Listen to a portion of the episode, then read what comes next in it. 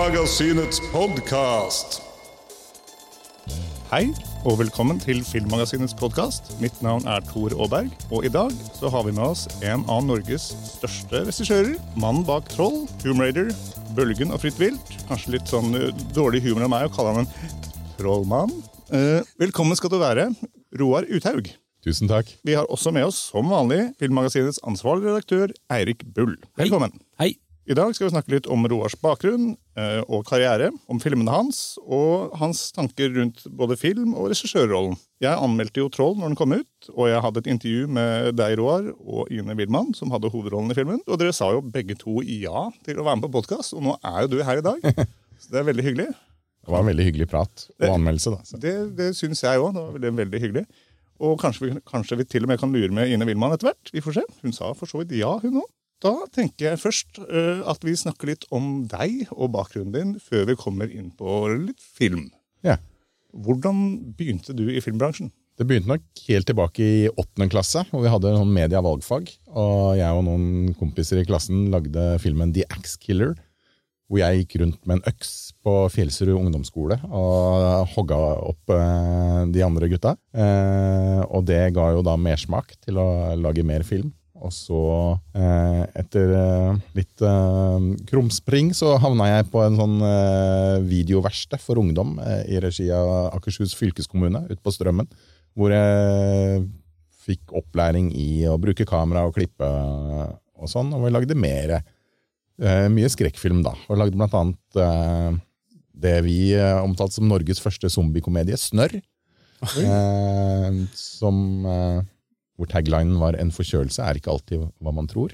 Den føltes veldig aktuell nå for eh, et par år siden. Oh, ja, jeg ser hva du mener. Ja. som også, Vi hadde en visning av på, oppe på Ramaskrik eh, i Oppdal eh, for et par år siden. Så det var veldig gøy. Eh, nei, så det var jo liksom skrekkfilm og det å lage film med kompiser og mye skrekk eh, og splatter og sånt, som da vekte den interessen. Og så eh, gradvis så begynte det å bli mer sånn seriøse kortfilmer eh, og jobbe på profesjonelle filmer og sånn. Og så eh, gikk jeg på filmskolen på Lillehammer på regilinja og gikk ut i 2002.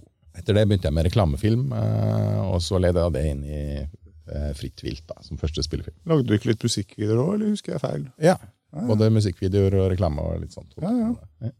Og så rett over i Fritt vilt. Hvordan var overgangen der? Eh, Det var jo de samme som jeg lagde reklamefilm sammen med, som jeg lagde Fritt vilt sammen med, så det var jo en, en ganske sømløs overgang der. Veldig gøy eh, opptak. Vi alle, hele staben flytta opp på det hotellet på Leirvassbu eh, og bodde der uten telefon. Eller vi hadde én fasttelefon på deling og var liksom eh, avskjært fra omverdenen da, mens vi lagde denne filmen. Så det føltes som vi levde eh, inne i filmen litt. Så Liksom det eh, koronaforhold bare mange år før? Ja, litt. Ok, Så dere var vant til isolasjon. Vant til isolasjon og kohort eh, Ja, fra den tiden. sant? Ja. Hvordan jobber du når du skal komme i gang med et filmprosjekt? Det er jeg litt nysgjerrig på. Har du noe liksom, generell um, prosess, eller er det litt sånn forskjellig for hver gang? Det er litt forskjellig fra hver gang. da. For Noen ganger så har jeg en idé, og andre ganger så er det en manusfatter som har en idé, eller en produsent, eller så finnes det da, eh, som Tomb Raider, så finnes det et spill og et filmselskap og et manus kanskje allerede og sånn. Men ofte både på Fritt vilt og Bølgen og, og Troll, så er jeg på en måte med fra starten til at vi bare har en idé. Det er noe snowboard i en skrekkfilm oppe på fjellet. Eh, og så utvikler vi det derfra. Ja, eller Bølgen, som var en eh, artikkel i VG sånt, om det som faktisk kommer til å skje en dag. Og så begynte vi å prate hvordan kan det her bli en film. Og da er det jo ofte å finne hovedpersonene eh, man eh, leiter etter, for, å, for at det er jo de publikum lever seg inn i filmen gjennom. Eh, Men det er litt forskjellig fra, hver, fra film til film hvordan, hva som kommer først av plott eh, eller sekvenser eller karakterer. Det finnes mange veier til en god film, rett og slett. Absolutt. Ja. Da tenker jeg vi kan rett og slett hoppe i gang med å adressere trollet i rommet her, holdt jeg på å si. Eh, jeg må få lov til å gratulere med enorme suksess, suksessen trollet har hatt. Tusen takk. Ja. lå jo på førsteplass som ikke-engelsktalende film lenge på Netflix. I stor grad av hele verden. Hvordan var det på en måte å få den responsen? Nei, det er jo kjempegøy. Det der var jo også en idé som jeg har hatt liksom i bakhodet i eh, snart 25 år, tror jeg. Og det da endelig får realisert den, og så at den har gått så bra og slått så godt an over hele verden, er jo kjempegøy. Er det noen forskjell på hvordan forskjellige land har respondert på den? Har du liksom fått noen tilbakemelding? Nei, Det virker som i Sør-Amerika er de veldig glad i filmen, og kanskje aktive på sosiale medier og sånn. da. Så det har fått mye god respons derfra. Lurer på om det er noe sånn, Jo mer fjellkjeder som er rundt, jo mer mm. respons får man på det. Dette kan vi kjenne oss igjen i. Har vel sine myter, de òg. Ja, ikke sant? Det finnes jo ugudelig mange myter rundt omkring i verden. Hvordan, synes, hvordan ble den tatt imot i Norge? Eh, veldig godt her også, syns jeg. Og eh, selvfølgelig var det masse folk som så den, eh, og har fått veldig mye gode tilbakemeldinger. Og også fra, eh, fra kollegaer i bransjen, da, som syns det er gøy at eh, det lages en sånn film, og at den når så bredt ut. Ja, Det er mer og mer sjangerfilm som kommer ut eh, fra Norge nå. Det er kjempemoro å se. Liksom. Vi hadde jo nylig Espen Aukan her, som du har skrevet filmen sammen med. Han har jo også vært med og lagd uh, Vikingulven, og vi hadde for ikke så lenge siden de gutta som lagde Blasted, den eh, Norges eneste ufo-komedie. Mm. Så det er veldig moro hvordan vi pumper ut nå mer eh, sjangerfilm til utlandet. Det er veldig gøy, syns jeg. Mm. Enig. Apropos Espen Aukan, Ja. veldig hyggelig fyr. Hvordan var det å samarbeide med han? Hvordan var prosessen, samarbeidsprosessen deres når dere skrev manus? Eh, det er veldig gøy å jobbe med Espen. Eh, vi liker jo å nerde mye om eh, film og alt sånt. Og så syns jeg han eh, er veldig bra på å få både humoren inn der, og, men også det emosjonelle. Eh, sånn at ja, jeg kan ha ideer om hvordan det her trollet skal knuse en Freia-klokke eller noe sånt, nå, men han klarer da å få det på måte, ned på bakken og også skape noe som gjør at man bryr seg da, når den Mm. Freia-klokka knuses. Så, um, og vi har veldig sånn Ja, vi sender mye notes og ideer til hverandre og prater mye sammen og har, har veldig tett og godt samarbeid. Det er bra. Tok det lang tid fra dere begynte til dere på en måte satt igjen med ferdig film? Det var ikke så langt Altså, det var jo noen, noen år. Vi holdt på holdt vi på på to-tre år før opptak eh, med det. Men eh, i en vanlig filmsammenheng så er ikke det så lang tid. Nei, nei, nei. Men Du sa ideen var 25 år gammel. Hvordan begynte den, og hvordan forandra den seg opp igjennom? Eh, den begynte nok etter å ha sett liksom sånn eh, Independence Day og Godzilla og de type filmene på 90-tallet.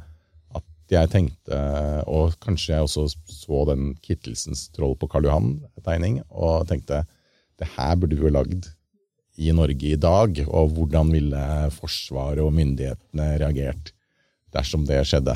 Eh, at et sånn svært troll kom gående nedover Karl Johan. Eh, Så det var liksom eh, frøet til ideen. Og så har jeg liksom jobba litt med det under, under mens jeg gikk på Lillehammer og etter det, og prøvd å liksom sammen med andre også prøvd å få et manus opp å stå, men det har liksom ikke aldri helt tatt av. da. Eh, Så det var først når vi fikk med Aukan og Motion Blur at vi fikk fart på sakene. Du har jo da med Troll, og også med Fritt vilt, så var det sånn at du både har vært regissør og skrevet manus. Ja, eller skrevet story ofte. eh, og så har jeg jobbet med manusfatter, sånn at det er jo Aukan for eksempel, da, på Troll som har skrevet manuset. Og så har jeg vært med å skape storyen da, bak manuset. Ja, men er det sånn hvis du da er med, eller kommer med storyen og er regissør, er det lettere å ha kontroll på det kreative på en måte, utfallet av, av filmen du jobber med? Ja, det føler jeg at jeg på en måte setter jeg må sette eh, tone of voice på, en måte, da, på hele filmen eh, fra starten av. Um, og så er det jo en del ting man kanskje som regissør ser for seg, da, eh, når du lukker øynene og skal prøve å se for deg noen av sekvensene, som du da kan være med å styre eh, fra bunnen av. Ser for meg at det er fordelaktig. Ja, absolutt. Og jeg, jeg syns det er veldig gøy også da, å være med å utvikle det universet og historien, og, Mm. eh, sånn som man skal ut og lage. Mm.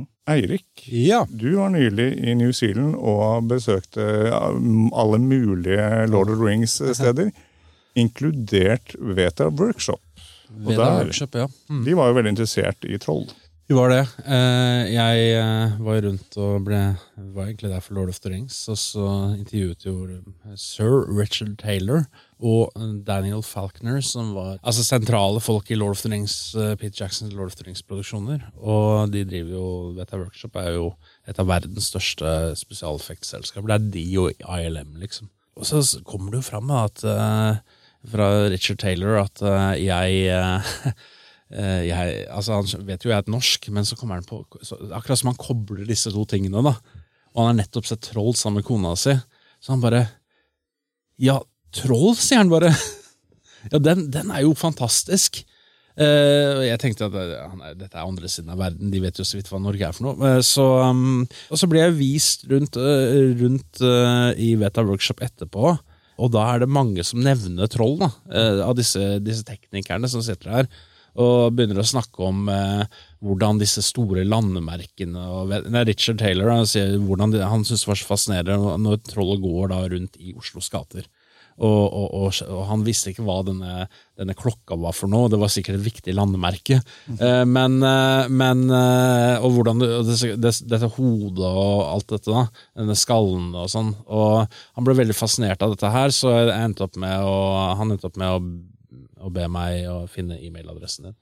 Så, så han, han, eh, Richard Taylor han ble litt sånn der fanboy da, der, der, han, der, han, satt. Men det var flere andre av disse teknikerne som begynte, hadde sett Troll, da, for det var vel i desember jeg var og besøkte dem. Ja. Uh, og da var den veldig uh, Den hadde spredd seg da, som sånn uh, veldig på, på, på, gulvet der i, i, i, på Veta Workshop. Ja. Så dette er de som lager de, noen av de verdens beste spesialeffekter.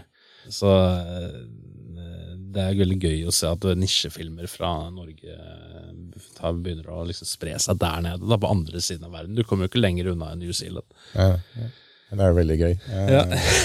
Har jo vært fan av Richard Taylor siden Braindead-filmen uh, til Peter Jackson. Så, Fantastisk film. Ja, veldig morsomt. Han, nei da, men det var, det var morsomt. Det var jo, de snakket jo veldig om denne da, fordi jeg tror det var mange som nettopp hadde sett den. Det ja. var jo, jeg hadde jo da sett den for en liten stund siden på presse, noen pressescreener. Så um, Men det var uh, Og så møtte jeg jo der nede Eh, han eh, Einar, Einar, Martinsen. Einar Martinsen. ja. Jeg tenkte på det, fordi han mm. jobba jo der nede da. Ja, og det var, det var Rune Temte som, eh, som, også var der nede mens Han har vært gjest på podkasten her. han var der nede på Taika Waititis Time Bandits. Mm. så han, jeg møtte jo han der, og, og da introduserte han meg for Einar, da, og så snakket vi om, om den designen og sånn. Så på dette Det er jo Trollet er jo skikkelig tradisjonelt eh, troll satt inn i eh, Hollywood-stemningen. Eh, så det er en veldig god eh, match der, da, syns jeg. Så vi skal vel kanskje få Einar her på eh, podkasten senere. Ja, snakk om det. Så måte, og Hvis vi da får inn Ine Wilma også, så har liksom covra ekstremt mange deler av trollverdenen. I flere forskjellige, mange, flere forskjellige episoder, ja. ja. Eh, så holistisk bilde av filmen, tror jeg. Ja, det er bra. Nei, det bør få inn Einar, for det var en veldig gøy prosess med han å designe ja. det trollet. da. Ikke mange runder og prøvde noen retninger som var liksom mye lenger vekk fra mm. det norske, tradisjonelle trollet, men så følte jeg at vi må liksom Vi i Norge må kjenne det igjen som et norsk troll. Ja, eh, det syns jeg var viktig.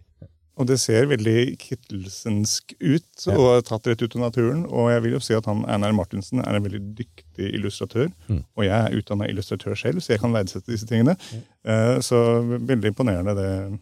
Han fortalte meg jo at han hadde vokst opp ute i skogen. da, eh, og hadde i hvert fall vært mye ute i skogen med, som barn.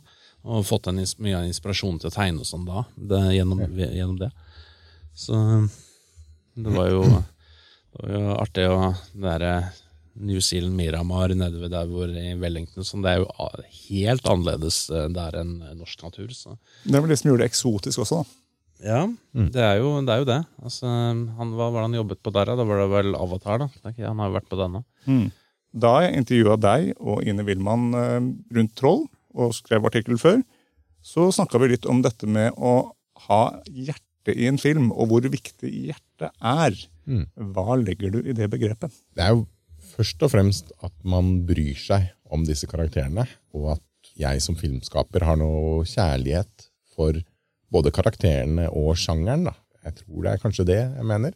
Hvordan skaper man hjerte i en film? Altså, Er det noen grep man kan ta? Hvordan får du publikum til å bry seg om karakterene? Er det sånn at du må bry deg for at andre skal bry seg, eller hvordan fungerer det? Jeg føler det er en bra pekepinn, da, om man sjøl bryr seg om dem. Eh, nei, så må man jo bare prøve å leve seg inn i hvordan ville denne personen reagert i denne situasjonen. Og prøve å gjøre det så ekte som mulig. Eh, fra man skriver manus da, til man eh, klipper filmen. Ja, en kjærlighet til det man driver med, eh, skinner gjennom eh, til slutt. Nå vet jeg ikke om vi skal kaste noen under bussen her, men eh, vet dere om noen filmer som ikke har hjerte? Oi, det er så mye. Det er så veldig, veldig mye. Eh, men det er jo dette med å kaste folk under bussen. da. Eh, eller ikke at folk og folk. altså Det er jo Sier du at folk som lager hjerteløse filmer eh, det er veldig folk. mye som altså jeg, tror at, jeg tror at det å ha hjerte i film, eh, for å si det sånn, da, det er vel ikke de fleste filmer, eh, egentlig. Det er, jo, det er jo faktisk en eh, Å få, til, få det til, syns jeg er eh, eh, ser, ut til å, ikke, ser ut til å være noe som ikke er en selvfølge, da. Jeg så igjen, for å, for å snu spørsmålet litt, grann, da, altså, så en film jeg så veldig nylig, eh, hadde, var jo full av det. Altså, det er den nye Guardians of the Galaxy-filmen. Da, da, du, når, du, når, du sitter og griner, liksom, en, for en superheltfilm, da, da føler du at da, er du glad Du er glad i disse, disse figurene. Men eh, du har jo sånn som når du kommer til, kommer til karakterer du ikke bryr deg om, det, men det, det ser man jo så ofte. Gjerne når det litt sånn, føles litt masseprodusert ut, tenker jeg. Så jeg vet ikke om dere har noe eksempel? Nei, men jeg, jeg ser jo det at det gjelder jo ikke bare i film heller. Det er jo på en måte hvis du har standup eller komedie, Ja. du har musikk Det er- må være et eller annet sånn, det må være noe det sjel, ikke- det må være noe hjerte. Det må Det er være ikke eller annet. alltid det må være det heller. Det er ikke alltid det er et mål i seg selv å ha det. Det er jo sånn som Transformers-filmene, da. Ikke sant? Det, eh, ok, ok, kanskje det er et dårlig eksempel, for der, der, der går de for, går de for å, å liksom få en sånn um, veldig sånn emosjonell følelse for disse robotene. og sånn da, men, men det var bare det som falt inn i hodet mitt nå. Men eh, jeg vet ikke. eh, Det er, det er jo mange, mange filmer med roller du ikke bryr deg om, da. Mm. Men, Men jeg, nå, jeg merker at jeg er litt forsiktig når jeg snakker nå. Jeg prøver bare å få noen Trekke ut en brannfakkel her og der, men Ja, ja. Jeg, jeg ser Nei, ingen ikke. biter på. Jeg syns James Gunn var et bra eksempel på en som har masse hjerte i det Ja. han lager. Eh, og det syns jeg er veldig gøy å se. Ja. Jeg, sa, jeg anmeldte jo eh, Guardians. Jeg er jo jeg er så Rocket-fan, ikke sant. Så det er, eh, og det, jeg var jo på en pressekonferanse med, med James Gunn og, og den gjengen nå nylig, og på fredag. Og, og det var, det var Og det er bare å høre han snakke om disse, disse rollene, og spesielt Rocket, da, som er hans, hans favoritt. Eh, det er noe helt spesielt, fordi at han legger seg hele sjelen sin i dette her. Eh, Så det blir interessant nå, da, når han eh, er ferdig med Marvel. Så mm. Det er også det jeg har sett uh, angående Bølgen, og det er flere steder jeg har sett at folk sier at uh, den er kanskje en av de beste katastrofefilmene fordi den har hjerte, mens der andre folk har på en måte også lagd katastrofefilmer, så klarer du å skape en relasjon til personene som kanskje mangler i mange av de andre filmene. Og det er interessant. Det er veldig hyggelig at folk syns det. da. Ja. Du har jo, ok, jeg, jeg, skal jeg Skal du ba om en brannfakkel? Um, ja. Jeg er jo Jeg vet at dette er at, at Troll for eksempel er litt sånn uh, Roland Embrish-type.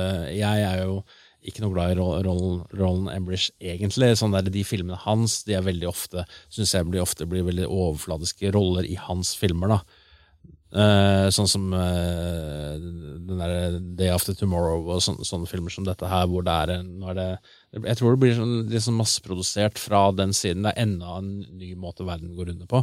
Uh, men men så blir det litt sånn, blir det sånn Hva var det? Det var Gerard Butler som var i en film hvor satellittværsystem gikk i stykker. Du, du, du bryr deg ikke, ikke sant? Eh, I hvert fall ikke jeg. Men, så du må liksom treffe eh, igjen sånn som Troll, eh, Bølgen, eh, Guardians. Du må på en måte, måte treffe deg, og det var interessant det han Rune Temte var, sa, nevnte nå, da han var her i episode to. Det var da denne forskjellen mellom DC og, og Marvel. Og da spurte, spurte vi alltid, alle spør hva er forskjellen mellom de to superheltuniversene. Jo, Marvel har hjerte, sier han. Ikke sant? Hvor DC har sliter kanskje litt grann med det.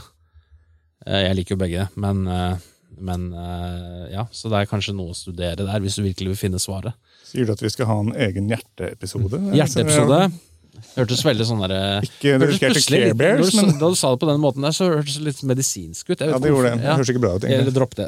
Ja, vi dropper, vi dropper den. Vi kan komme tilbake til på et annet plan. Men, men jeg må ta Roland Emmerich i forsvaret her, da. Fordi jeg tror ikke det hadde vært noe troll uten hans Independence Day og Godzilla. Og jeg tror kanskje ikke det hadde vært noe Bølgen uten det Mm. Nei, men, Tomorrow eh, heller. Eh, Nei, ikke sant? Men syns du, syns du hans roller i, eh, treffer på dette her? Nå er jo de filmene lagd på en annen tid, Ja, ja, eh, hvor det var andre krav til hovedpersoner eh, i filmer, og hva det var som fikk oss til å heie på dem. Mm. eh, Til en viss grad, i hvert fall. Eh, og der var spektaklet Ja, var på en måte viktigere. Men nå vil jeg jo påstå at Troll har en langt mer eh, Altså tror mer på de eh, karakterene der enn i for eksempel da Day After Tomorrow. Takk for det. Ja, og det er jo det som vi kanskje prøver, og som jeg også prøver på med mine filmer, da, er Ja. å ta de der Hollywood-sjangerne, og det man er vant til å se fra Hollywood, men eh, på en måte eh, grounde det litt i det norske og skandinaviske, og skape da karakterer som vi kjenner oss mer igjen i, da, enn når eh, The Rock henger i en hånd ut Ja, ja, ja. helikopter, på en måte, så er det Kristoffer Joner som puster og peser oppover den veien. Eh, som jeg tror er lettere for oss her, da, å identifisere oss med. Det er jo? Det er jo kanskje det mer at eh, det er ikke nødvendigvis innholdet, men også kanskje hvem som ser på.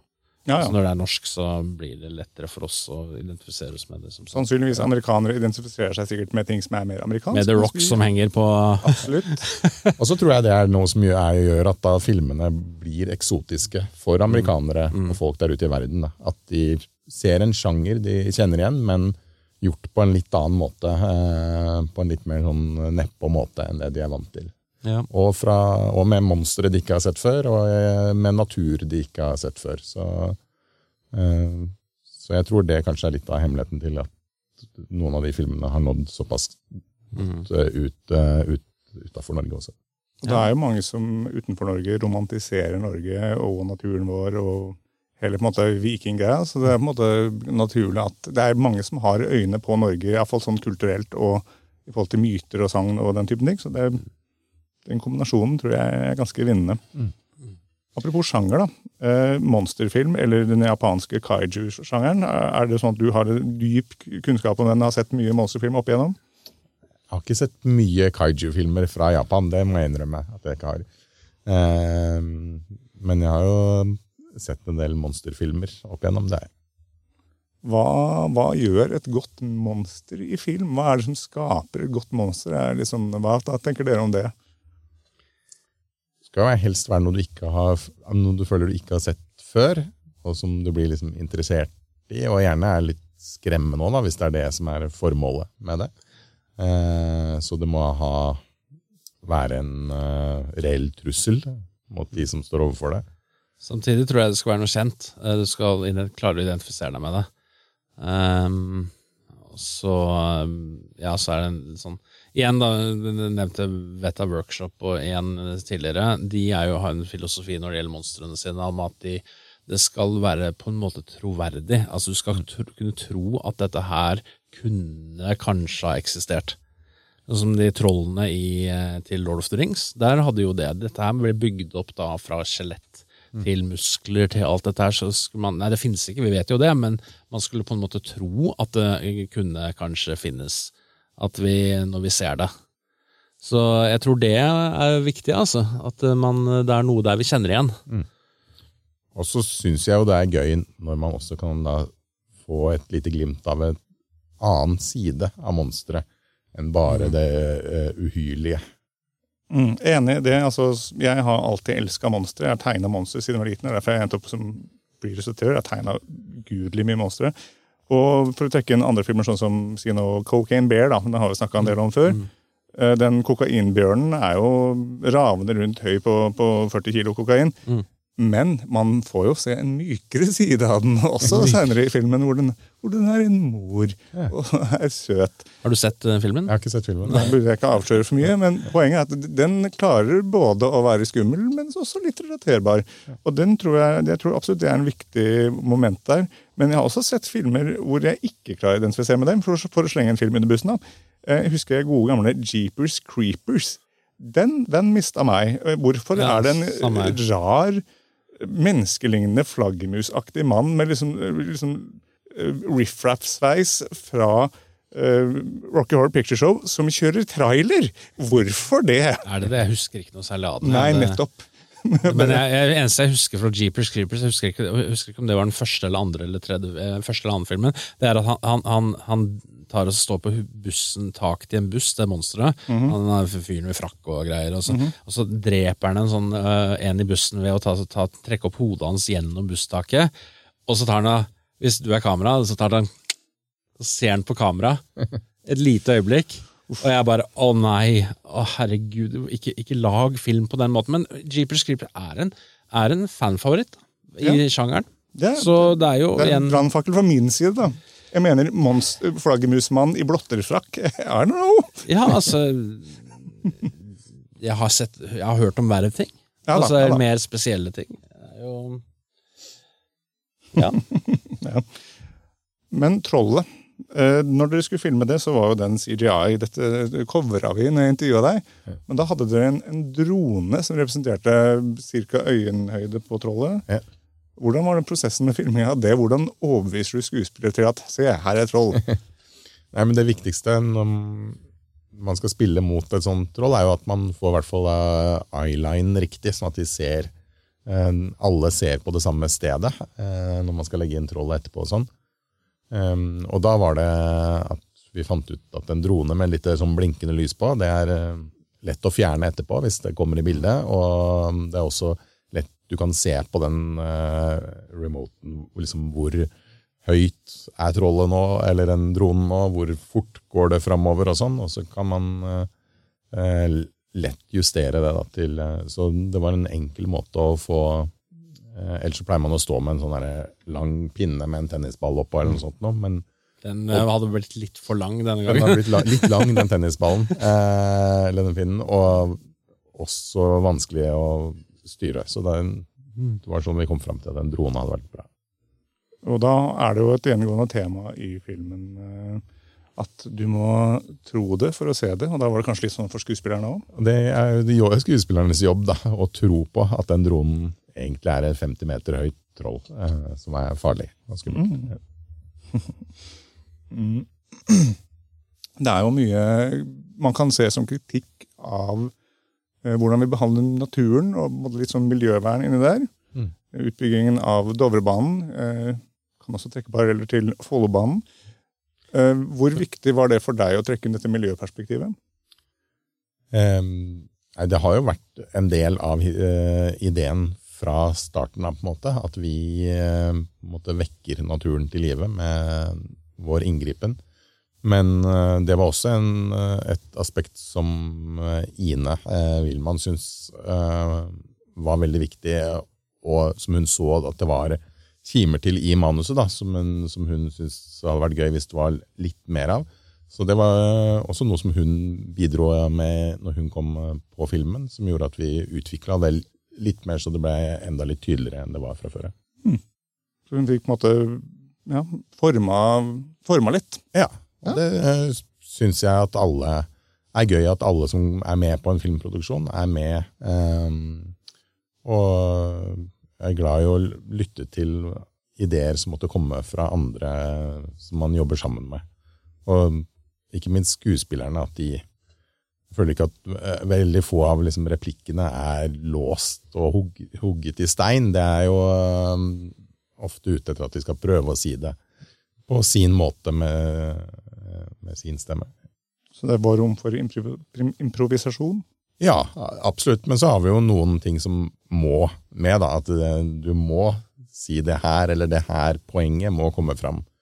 Eh, så, men det varierer jo fra scene til scene. Et annet tema som er liksom fremtredende i den filmen, er jo at det er konspirasjonsteorier rundt trollet. da. Ja. Eh, Har du sett deg opp og researcha mye konspirasjonsteorier før vi kom i gang med det her? Nei, det, og det, det var jo faktisk én eh, en ting som jeg syns var litt vanskelig, eh, er jo at her får jo konspirasjonsteoretikeren rett. eh, og spesielt i den tida vi lever i nå, eh, hvor det er eh, mye skepsis til myndighetene, og folk har du, Klarer du én konspirasjonsteori, så klarer du gjerne flere. Så det er både 5G og vaksiner og mye rart som, eh, som folk klarer å skape disse teoriene om. Eh, og det å gi på en måte en av de rett i filmen eh, Nå syns jeg jo at vi kommer oss unna med det fordi det er snakk om troll og, som blir til stein i sola og sånt, men, eh, men det var absolutt en ting som vi tenkte på når vi utvikla manus. Hadde ikke du hørt om sånne folk som trodde at dette er en film som kommuniserer eh, ut og virkeligheten og, og på en måte sånn, Eirik, til at det er folk som tror at dette er, dette er på en måte, her er noe som skal frem i det sanne budskapet. Troll fins. Dette Eh, Nei, nå vet jeg ikke om du Jeg tror kanskje du forveksler med den der forrige trolljegeren. Ja. Eh, der er det jo i hvert fall konspirasjonsteorier. Eh, hva er Ja? Jeg, det kan jeg si litt om. Fordi jeg, i etterkant av filmen så fikk jeg litt sånn meldinger på Instagram fra noen som tror da at disse vesenene finnes på ordentlig, og som eh, poster bilder da av fjellkjeder og fjellformasjoner. Og sier at uh, her er det jo tydelig. Dette var en kjempe uh, før i tiden. Og, og som på en måte da skrøyt litt av, eh, av filmen vår, da, for at nå skulle vi liksom få dette ut i dagslyset. Og, og jeg tenkte at, tenker at det her kommer til å forandre alt når denne filmen kommer. For nå kommer jo sannheten.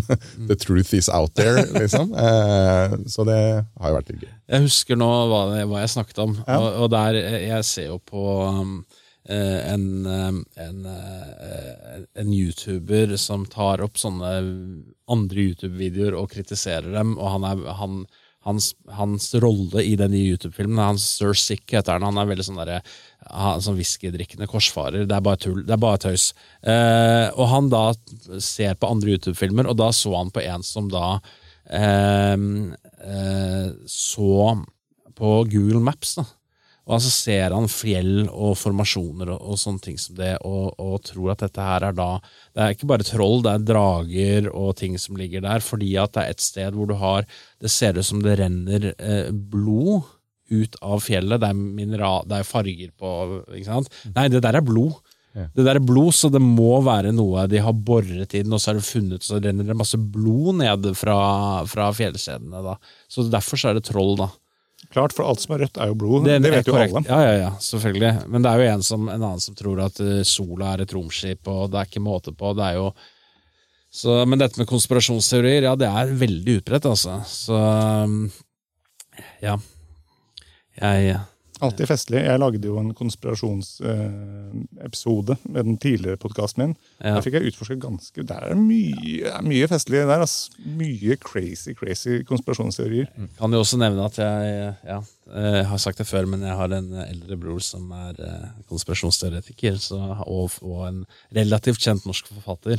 Så, eh, så skriver vikingbøker, og det er ikke regjeringen er slem, og vaksiner er dumt. og og det er liksom, det, det er som du sier, når, når du begynner med én, så kommer resten av dominobrikkene.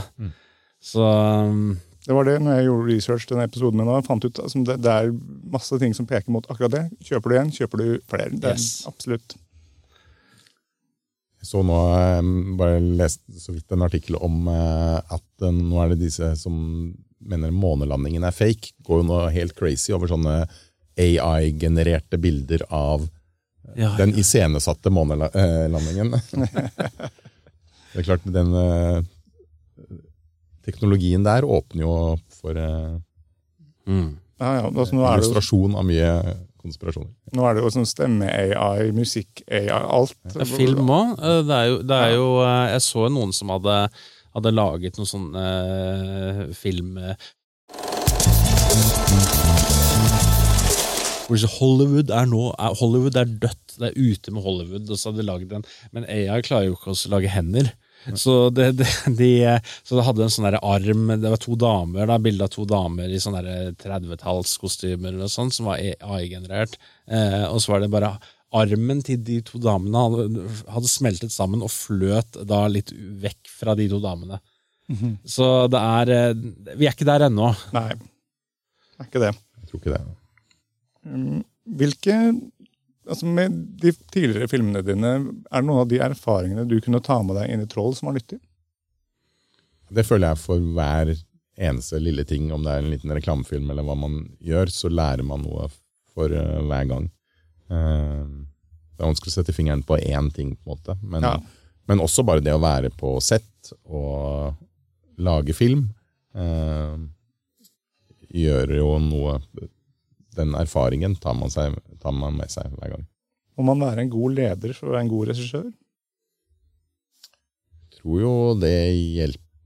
At man skal jo prøve å få alle til å trekke i samme retning. Da. Mm. Mm, hva vil du si var det morsomste med å lage denne filmen? Det morsomste var nok å jobbe med skuespillerne. Eh, men også det å Og selvfølgelig å få lage sånne svære eksplosjoner. Vi var oppe på Rena på natta der med hjelp av Forsvaret. og eh, hvor eh, Hummer Høymark, som er en sånn, eh, skandinavisk SFX-legende, hadde lagt opp liksom 35 eh, sprengladninger utover et jorde der. Eh, og når alle de går av på en gang, eh, så er det jo gøy.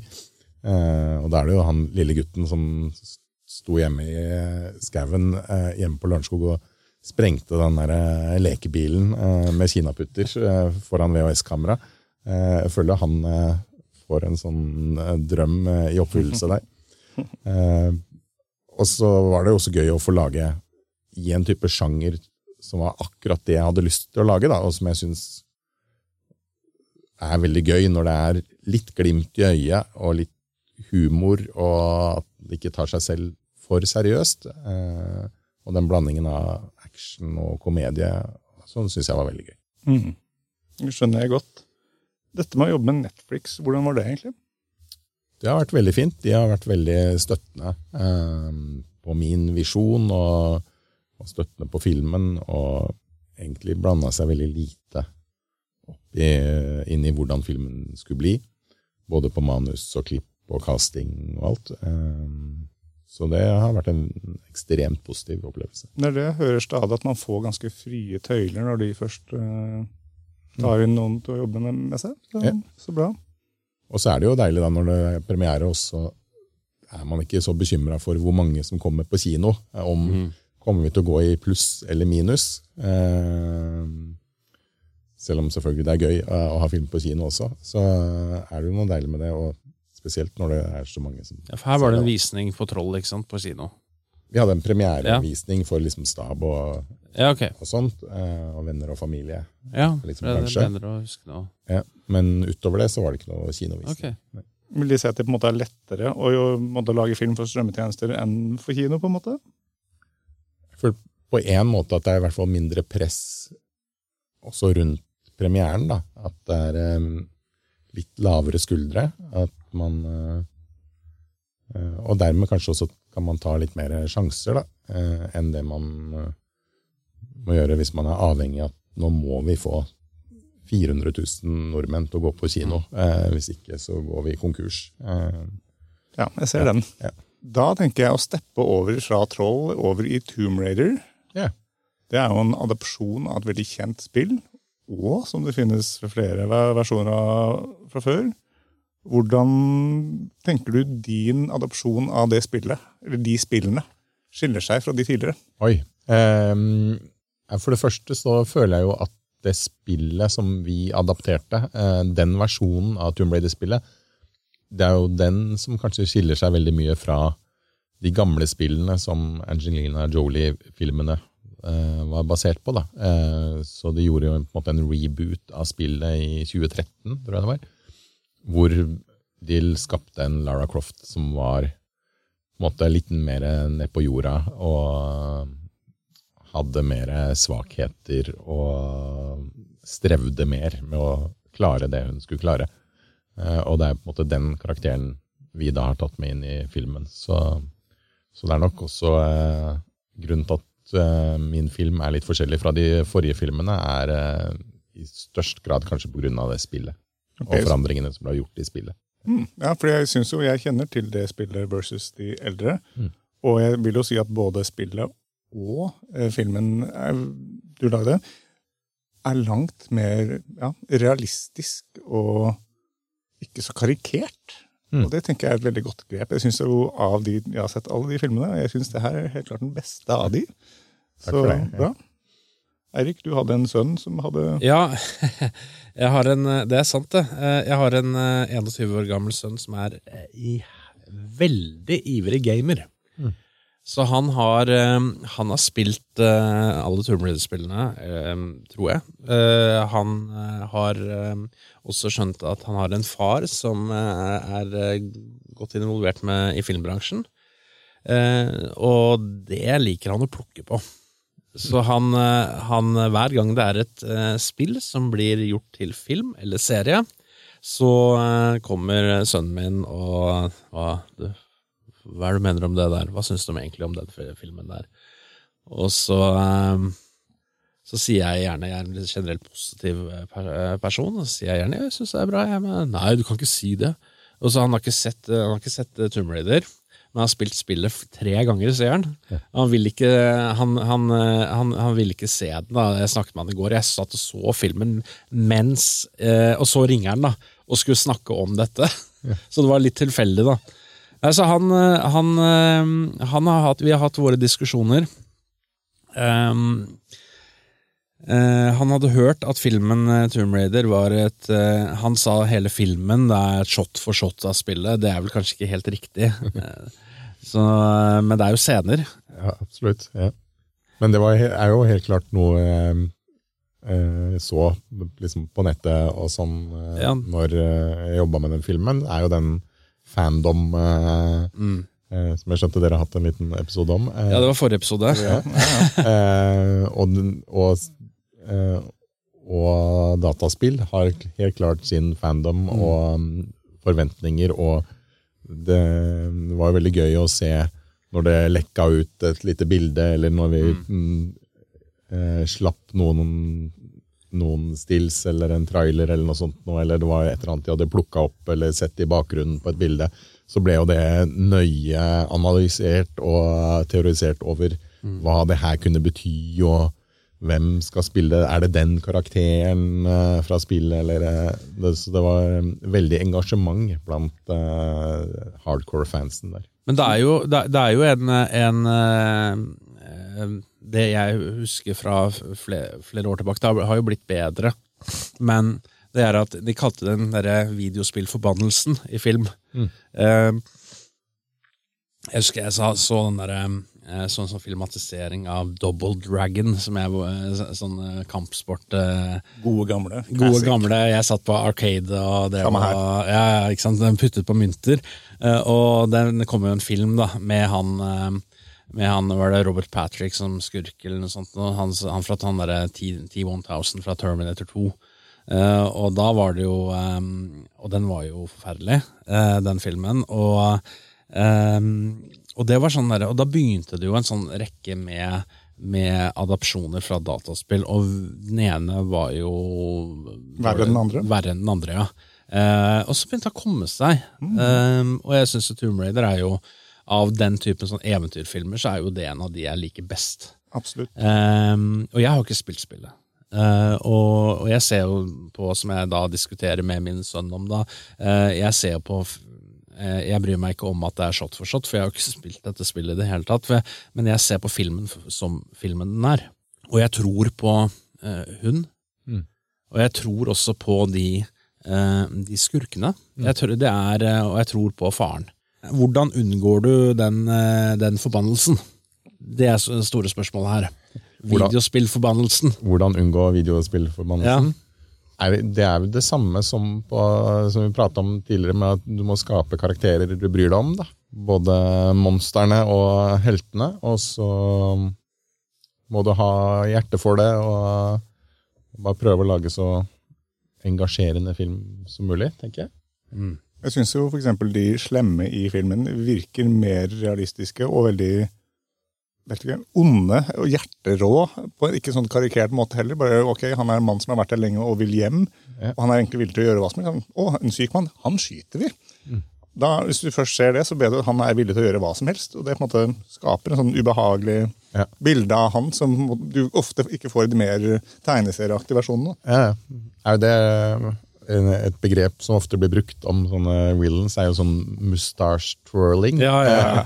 Eh, og at man skal prøve å unngå det. Eh, og det var også noe vi jobba med, at han, eh, Walton Goggins sin karakter der, at han skulle At du skulle tro på han, og, og også at jeg syntes det var litt gøy at han ikke hadde noe sånn overordnet plan om å utrydde menneskeheten. Han ville bare hjem Ja. til familien sin, han egentlig, og bare få jobben gjort. Ja, ikke høylytt proklamere alle planene sine, onde planer han hadde hatt, liksom, Nei, sånn at du kan stoppe dem. Nei, det er ja, mye mer realistisk. Det er en god ting. takk for det. Hva med hun Alisha eh, Vikander? Hva vil du si hun bringer som eh, Angelina Jolie ikke eh, gjorde? Ja, det syns jeg er vanskelig å sammenligne dem, men det jeg syns Alicia brakte til rollen, er jo da en troverdighet. Hun lever seg ekstremt inn i, i karakteren og situasjonen. Um, og også jobber veldig hardt um, for å komme i den formen hun måtte være for å um, gjøre alt det hun skulle gjøre. For hun eh, er jo hun som i stor grad i filmen klatrer og slenger seg rundt og flyter nedover eh, elver og er ute i vannet og sånn. Så, og slåss. Sånn at eh, hun jobba veldig hardt og dedikert for det. Tror, du- tror det er mindre du den der sammenligningen mellom de to. Jeg tror eh, kanskje denne filmen eh, har mindre der, Den er ikke så cartoonish eh, som, eh, som disse to med, med, med Angelina Jolie. Og jeg, jeg, jeg syns det er veldig Jeg liker veldig godt det, det forholdet mellom mellom Vikander og, og, og Dominic West, som spiller faren. Så, så det er et veldig sånn derre eh, Jeg syns det fungerer veldig bra emosjonelt sett. Så det, det, igjen, det er, som så mye annet med den filmen der, så tro, tror jeg på det. Og vi hadde jo, vi hadde jo også, apropos tro på, vi hadde, vi hadde jo også Kristoffer Hivju eh, for et par episoder siden, og han, eh, han sa eh, til meg i pausen eh, mellom noen opptak at eh, at eh, vi snakket om det kom inn på den filmen her, og vi snakket om eh, eh, om dette her med da sånne der, eh, store goons, sånne muskelbunter med gjerne den der klassiske skandinaven med skjegg eh, som alltid dukker opp blant alle disse skurkene. Da. Eh, og um, han, han syntes det var så bra å se det, fordi at i denne filmen så tror han på til og med de, de skurkene, de der med maskingeværene. Vi tror på de at de, de rollene mer Det er noe i øynene deres, sa, sa Kristoffer. Eh, som gjør at eh, selv om de blir jo drept på forferdelige måter, men, eh, men eh, allikevel, så fram til det, så er de eh, Det er litt mer dybde i dem, da. Så jeg- det er en ting jeg liker veldig godt med den filmen. Enig. for det. Det er også veldig gøy. Jeg hadde med en som heter Alexander Willom, som er en dansk skuespiller, som, um, som var han uh, lieutenant, tror jeg han bare heter i filmen. Ja. som var liksom eh, Walton Goggins sin right hand man Ja, eh, gjennom filmen. Så eh, jeg hadde med én skandinav til. Ja, okay. Er det han første som blir syk? kan du si? Ja, ja, han som Det ble syk Han, han inni, så sånn skandinavisk ut. Inni tumben der. Ja, ja. Hva vil du si er den mest minneverdige scenen når dere skøyt i den filmen? Det er to ting jeg føler som står ut. Det ene er når hun ankommer eh, i Hong Kong Harbor, som vi skøyt eh, først. Eh, når hun kommer i taxien og sånn der, eh, på en havn utafor Cape Town. Det var Mesteparten av filmen er skutt i Sør-Afrika. Så da dressa da Art Department den havna eh, til å se ut som Hongkong. Eh, hadde fått inn masse eh, konteinere med rekvisitter og sånn fra, fra Kina. Og eh, hadde dressa det, og den lille liksom, walkwayen som vi begynner å gå utover der med båter, og, som, som var bygd i Sør-Afrika. Eh, da. Og så kommer det noen karer og tar eh, ryggsekken hennes, og så flytta vi da alt, når de da begynner den jakta, så flytta vi alt det til en sånn svær eh, tank som vi hadde bygd på um, backlotten på ene filmstudioet der. Så det var bare en åker før, og så bygde vi en sånn 50 ganger 70 meter eh, svær eh, svømmebasseng, én meter dypt, eh, og med svære bluescreens eh, rundt. Og så flytta vi rundt på alle disse her flytende restaurantene og båtene og sånn, etter hvert som hun løp, sånn at det skulle se ut som det var mye lenger de løp enn det de egentlig hadde. da. Ah. Det hadde jeg ikke sett. Nei, ikke heller. Eh, og så har vi lagt inn, eh, der det var blått, har vi lagt inn liksom sånn Hongkong skyline etterpå. og sånn da. Men alt det er da filma litt eh, der, og litt på denne her eh, tanken eh, ute på en åker eh, i Cape Town. Så det var jo veldig morsomt å se, og bare altså hvor mange som jobber med det, og hvor mye de bygger og maler eh, og dresser, sånn at det ser veldig troverdig ut. Hvor stort eh, crew var det der, da? Jeg har ikke peiling. Nei, sånn, Jeg veit ikke. Eh, Mange. Mange, Få spørre produsenten, si. Men det var jo en svær, svær hall hvor de Ja, okay. sto og bygde alle de der små båtene som flyter rundt der. Det var et stort og sånn. prosjekt. Ja. Ja. Imponerende, da. Overhodet ikke tenkt på at det på noen måte var, var laget på den måten. Nei, det var eh, sånn opp, Vi vurderte jo om vi skulle dra til Hongkong og filme den der, men det hadde blitt dyrere da, og mer komplisert eh, enn å gjøre det sånn her. Den andre sekvensen er jo den som da er veldig inspirert av en sekvens i spillet, mm, som er når hun faller ned i en elv og flyter nedover strykene der og havner da på en, eh, en gammel sånn japansk bombefly som Ja. eh, henger på kanten der og faller ut av det igjen og med en eh, fallskjerm og lander nedi skauen. Og det ble jo filma da først litt i en skog utafor Cape Town. Eh, så litt på eh, denne vingen som vi hadde bygd opp uh, ute utafor et studio der. Og så litt inni flykroppen som vi hadde bygd inne i studio, som var sånn som kunne snurre 360 grader, for den vipper jo over. Så da kunne vi liksom vippe den mens Alicia hang inni den eh, kroppen. da. Og så hadde vi en egen lite sett for den cockpiten hun havner i, hvor glasset begynner å knuse og hun faller ut. Og så var vi i London og filma at hun henger eh, i fallskjermen på en bluescreen, og sånn, og så lander hun tilbake igjen i den samme skogen hun løp i i starten, når hun lander eh, på slutten. Hvor lang var innspillingen? Vi hadde 100 opptaksdager til okay. sammen. Ja, og i midten der også, så er jo når hun flyter i den elva, så er vi både da i en vanntank i et studio i London og filmer nærbilder av henne eh, når hun flytter. Og så var vi også i et sånn derre whitewater rafting-anlegg som var bygd til OL utafor London. Hvor vi da sendte Alicia nedover eh, det anlegget. da. eh, så vi fikk tatt bilder av henne hvor hun kjemper mot vannmassen og blir dratt nedover der. Og det var liksom i eh, april eh, utafor London. Det var ganske kaldt Alt gikk bra? opplevelse. Alt gikk bra. Det var ikke noe uhell? Nei. For en kompleks prosess. Ja. Wow, fascinerende. Så det var veldig gøy at alle de små bitene da, som er filma på forskjellige verdensdeler og på, med måneder mellom, eh, kommer sammen i en sekvens. Ganske interessant å høre om hvordan sånne ting blir lagd, egentlig, fordi man får ikke et helt klart innblikk av det når du ser det, men det er jo mye mer komplekst enn man kan se for seg. Tor, Tor, sånt er kjempegøy. Ja, ja Sånt jeg er vet. kjempegøy. Det er det jeg jeg vet, jeg snakker om det mye. Jeg vet. Det er artig. Bølgen. Mm. Apropos vann. Ja, apropos vann. Eh, Fin, fin segway der. Mye, mye vann. Ja. Det er det også i Bølgen. Du nevnte i stad at du hadde lest en avisartikkel om at eh, det er en viss fare for at det vil komme store fjellbiter som vil skape store, stygge bølger. Mm. Ja, hvor realistisk er dette? Er dette noe vi burde gå rundt og bekymre oss for? Nei, vi prata jo en del med de geologene som faktisk overvåker. Det er jo et sted som heter det samme som i, i filmen Åkerneset, mm -hmm. som ligger uh, utafor Geirangerfjorden. Som utvider seg med noen centimeter hvert år. Uh, og som overvåkes kontinuerlig. Uh, og når De snakker jo om når det, at det kommer til å skje. At, og så vet du ikke om alt raser ut på en gang, eller om Eh, eller om litt går først, sånt, men hvis, hvis, alt det der skulle rase ut på en gang, så vil det da skape en 80 meter høy flodbølge som vil treffe Hellesylt etter fem minutter og Geiranger etter ti minutter. Men det geologene vi snakket med, som er de som overvåker det, det sier, er jo at um, de vil jo se en, en måte, akselerasjon av den uh, utvidelsen eh, i lang tid i forkant. Sånn at eh, i mange måneder før det kommer til å skje, eh, mener de at, eh, at området vil være evakuert. Da. Litt som vi så på Mannen, at man flytter ut derfra.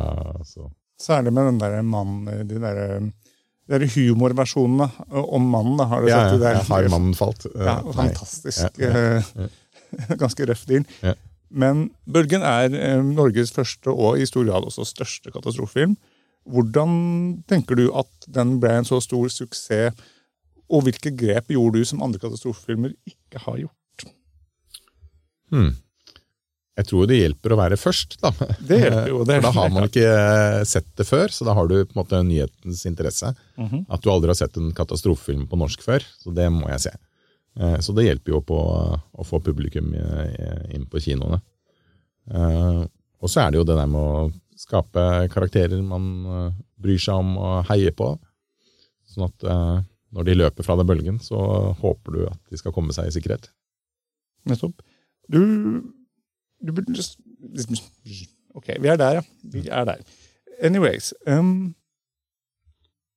Fritt vilt kan også ses som uh, Norges uh, første hytteskrekkfilm. Og jeg har om, hørt flere omtale som at det starta en trend hva gjelder norsk hytteskrekk. Ja. Eh, hvordan er det å være først, det er tydeligvis først ute med mange ting. Altså, vi, først ute med stor norsk monsterfilm. Vi har Bølge, vi har Fritt vilt. Er du opptatt av å være, måtte, komme med nye, uh, nye filmprosjekter som vi ikke har sett på norsk? Ja, jeg, eller jeg syns jo det er gøy å lage ting man ikke har sett før. Uh, også her i Norge har vi jo muligheten til det også, fordi det ikke er lagd, ikke lagd så mange monsterfilmer, eller det var ikke lagd så mye skrekk- eller katastrofefilmer når de filmene kom. Mm. Um, ellers så er ikke det noe stort poeng at man uh, skal være den første til et eller annet, men, uh, men jeg tror jo at publikum uh, som går på kino, er ute etter en, måte ny opplevelse. da. gjerne i, i, velkjente former. At man jeg er veldig opptatt av at man skal være tro mot sjangeren eller mot publikums forventninger. Eh, sånn at de ikke plutselig får noe de ikke trodde, ikke hadde lyst på. Eh, eller at man blir overraska på en negativ måte. da. Hvis du går på en gourmetrestaurant og får en Big Mac, så eh, Eller motsatt. hvis du går og skal kjøpe deg en Big Mac, og så får du et lite kamskjell, så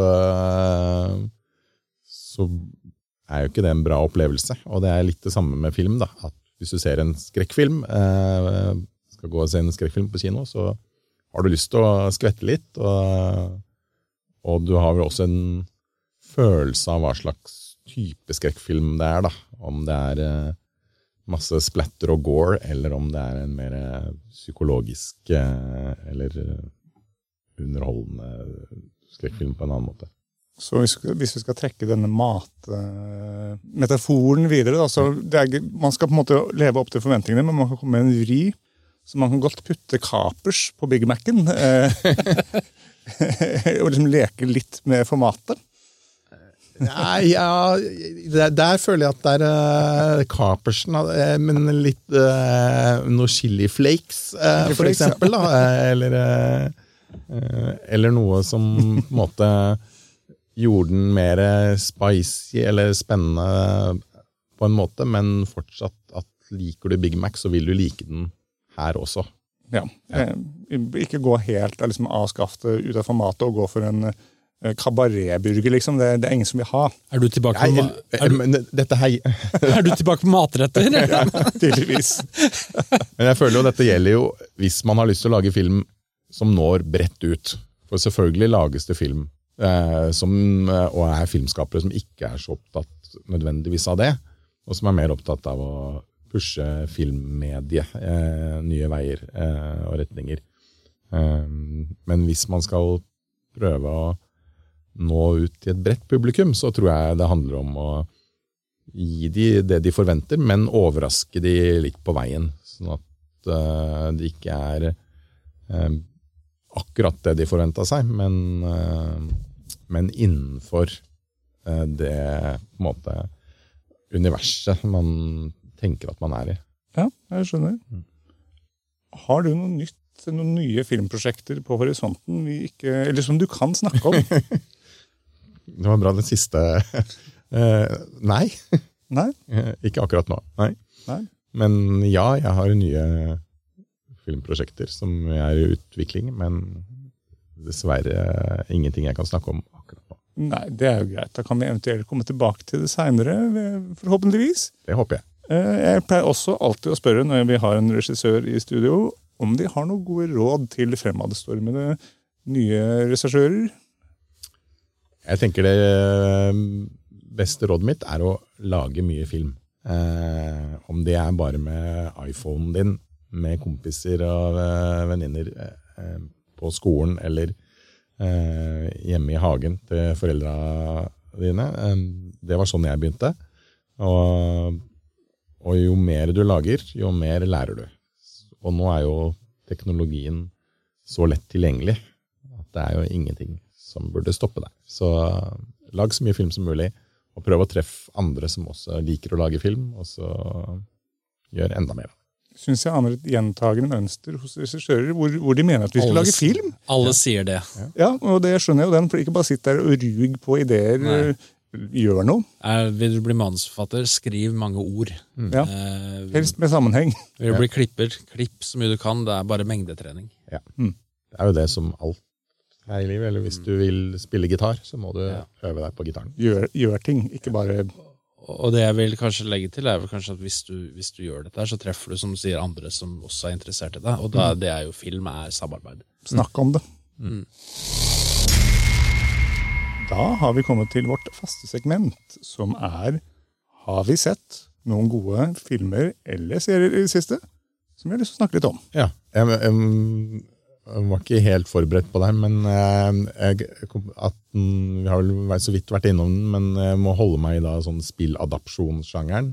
Og så må jeg slå et slag for da Last, The Last of Us, hvis man ikke har sett den serien ennå. Eh, på HBO er den vel. Det er den. Jeg anmeldte den og ga den full pott. Ja, det skjønner jeg, for jeg synes den er, Vi har sett eh, mye, vi har snakket mye om den. Jeg Elsker den. Ja. Syns den er fantastisk. Veldig bra. Også veldig gøy at den er skrevet av um, Craig Mason, som også skrev Tsjernobyl, men før det har skrevet på en måte, Hangover og Scary Movies og, og mye eh, sånne komedier. At det er veldig gøy å se han har fått en sånn eh, renessanse nå. Eh, og for øvrig også har en morsom podkast som heter Script Notes, sammen med John August, som er forfatteren av eh, Charlie's Angels og Charlie og sjokoladefabrikken og Big Fish. Og sånn. Eh, De har en veldig bra podkast om screenwriting and things that are interesting to screenwriters. Så det anbefales. jeg, jeg faktisk begynte å følge den nylig, fordi jeg skriver mitt eget manus. Så, så da fikk jeg anbefalt akkurat den podkasten. Så det, det Må sjekkes ut. Det må sjekkes ut. De er jo over, eh, eller jeg er vel på 500 episoder eller noe sånt. nå, Så Ligger litt foran oss. Ja, ligger litt foran oss. Det Bitte sant, litt. Eirik. Ja, film. Ja, riktig. det er eller det vi snakker om her. Ja. Eh, jo, du, vet du hva? Jeg eh, skulle til å si at eh, jeg har sett Guardians of the Galaxy, men igjen, eh, den eh, Den så jeg på fredag, men eh, det blir da feil, for denne episoden her kommer jo ut senere enn i dag. Ja, den kommer ikke ut i dag. Så, eh, eh, og den kommer alle til å se, så jeg skal ikke snakke om den i det hele tatt, samme hvor god den var. Men jeg skal snakke om en annen film som jeg kom over, som jeg oppdaget for et års tid siden da den var i produksjon, og den har kommet nå ut av den heter UFO Sweden. Ok. Ja, Apropos nisjefilm, har du hørt om den? Ja, jeg har sett den dukka opp på Netflix, Ja, ja. min, men jeg har, ikke, jeg har ikke sett på den ennå. Ikke sant? Den er, eh, jeg kom, kom på, Nå er det Sverige som lager eh, sin versjon av Blasted. Og, og dette er jo ikke komedie på den måten, den har mye morsomme ting. Og den, eh, som vi snakket om da, da vi hadde Blasted-gutta her, så snakket vi om at jeg, jeg for mange år siden så lagde jeg, prøvde jeg å lage en sånn ufo-film om manus da, om, som var liksom samme tema som Blasted, men ikke komedie. Nå, ok, så tenkte jeg at den er så annerledes blasted. Så kommer UFO Sweden av Sverige og lager den filmen jeg hadde lyst til å lage igjen. Så jeg, det, det, det prosjektet mitt, gamle prosjektet mitt er helt ja, det er, kan vi bare kaste.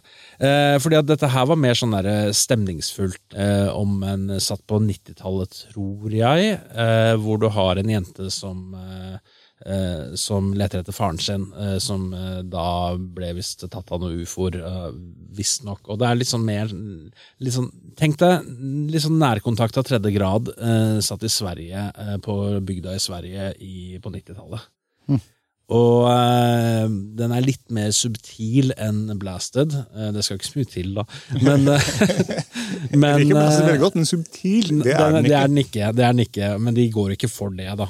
Så, men jeg syns dette her var en veldig, veldig fin film. Uh, veldig stemningsfull. Uh, mindre fjoll. Men den klarte liksom å holde balansen, da. Mellom å, det, det var en god ufo-film. Så Ufo Sweden, den Det høres sprøyt ut, men eh, det er det absolutt ikke. Den er verdt å få med seg, hvis man liker sci-fi. Ja, og ufoer. U- Og ufoer, ja. Og svenske. Og svensker. Og bygda. Høres veldig gøy ut. Ja. Ja. Så det er, det er min. Uh, hva med deg, Tor? Jeg har tenkt å snakke om den ekstremt merkelige, underlige og skrullete filmen jeg så i forrige uke. Bo is Afraid, ja, selvfølgelig. med Joaquin Phoenix. Og wow, for et stykke film! Den er vanskelig å beskrive. Den er for det første tre timer lang. Og det her er ikke en film for alle, det er jeg ganske overbevist om. Jeg eh, så den og anmeldte den, og jeg har også senere sett andres anmeldelser. Det er veldig varierende hva det har gitt den filmen. Jeg ga den fire av fem stjerner, fordi jeg kan like surrealistisk, underlig, sadistisk, merkelig film. Det handler om en mann, som da Phoenix spiller, som er redd for alt. Og alt som kan gå galt, går galt med den mannen. Og han er, han er redd for alt. Han, han er redd for medisinene han tar. Han er redd for sin mor, han er redd for døden. Han er redd for alle folk som bor rundt ham. Og det skjer helt, ville ting på gata. Det er ville slåsskamper. Folk jager han. eh, Folk stormer inn i leiligheten hans og tar over. Alt går galt, og det blir bare merkeligere og merkeligere. Og er sånn, Den er tre timer lang, og det er sånn merkelig odyssé av lidelse og frykt. Og sånn har masse, masse mørk humor. Jeg, fant, altså, jeg lo masse mens jeg så den. Og så kommer man inn i sånn merkelig etter hvert, Det er jo en slags reise, for man skal da komme seg til mora si, og så skjer det masse sånn dårlige ting underveis. Og masse skyldfølelse, og masse trist, og jævlig, og smerte, og han får så vondt. Og alt er galt. Og så kommer vi inn i en merkelig sånn symbolsk animasjonssekvensdel, og hvor virkeligheten blander seg med det. Og avslutninga er bare mørk og jævlig. og det er, sånn- det er sånn, Hvis jeg skal trekke paralleller til noe, så er det som Jobbs bok, hvor lidelse er alt det individet får. Og igjen, det er ikke for alle, for den er utrolig underlig. Og den er kjempelang, og jeg har sett andre folk si at de burde, den burde trimmes kraftig ned. Og at den er liksom for vag i kantene. De om det. Jeg likte den veldig godt. Men det er jo en grunn til at uh, vi bestemte at du skulle anmelde denne filmen. Ja. Det er min type greie. Jeg liker weird shit. Mm. Og dette er definitivt det. Det er vel ikke det jeg kan si. Hvis, du, hvis det høres bra ut i din, dine ører, gå og se den, for den er absolutt verdt det. Men vær forberedt på å se noe du aldri har sett før. Dette er ikke noe, jeg tror det Du finner lite å sammenligne den filmen med. Så ja. Husker du hvem som har regissert den? Ari Aster, er det ikke det? Jo, det er Ari Aster. Takk. Det er Ari Aster absolutt, som også da har lagd 'Midtsommer' og eh, 'Hereditary'. Hvis du likte de to filmene, så går det går definitivt å se den her, for her slipper han seg helt løs. Uh, wow, for et stykke filmkunst. For noe merkelige greier. for. Yes. Da tenker jeg vi egentlig går til å si tusen takk for at du kom, Roar. Og skulle det være noen filmprosjekter seinere, eller noe annet, er du mer enn velkommen til å komme tilbake igjen. Takk Da- for det, og tusen takk for at jeg fikk komme. Hvis det er noe filmprosjekter senere, så oppdager vi det som regel. Ja, det gjør det. så, så da blir Føler du deg snakkesalig, bare si ifra. Takk for det. Jeg, jeg tror dere vil høre om det. Ja, ja, det er bra. Tusen takk til deg, og tusen takk til lytterne. Takk og farvel. Hyggelig. Ja, veldig hyggelig. Ok. Yes. Nei, nei, la det gå. Følg oss på Facebook under navnet Filmmagasinet, på Instagram under navnet filmmagasinet.no, på Twitter med at filmmagasinet, og nå, helt nytt, på TikTok med at filmmagasinet. Med oss i studio har vi Lilla Lyd, som styrer lyd og teknikk. Introvignetten er laget av Francesco Hygen Pudo. Tusen takk til Bauer Media for godt samarbeid og utlån av studio. Ansvarlig redaktør for Filmmagasinet er Eirik Bull, og mitt navn er Tor Aaberg.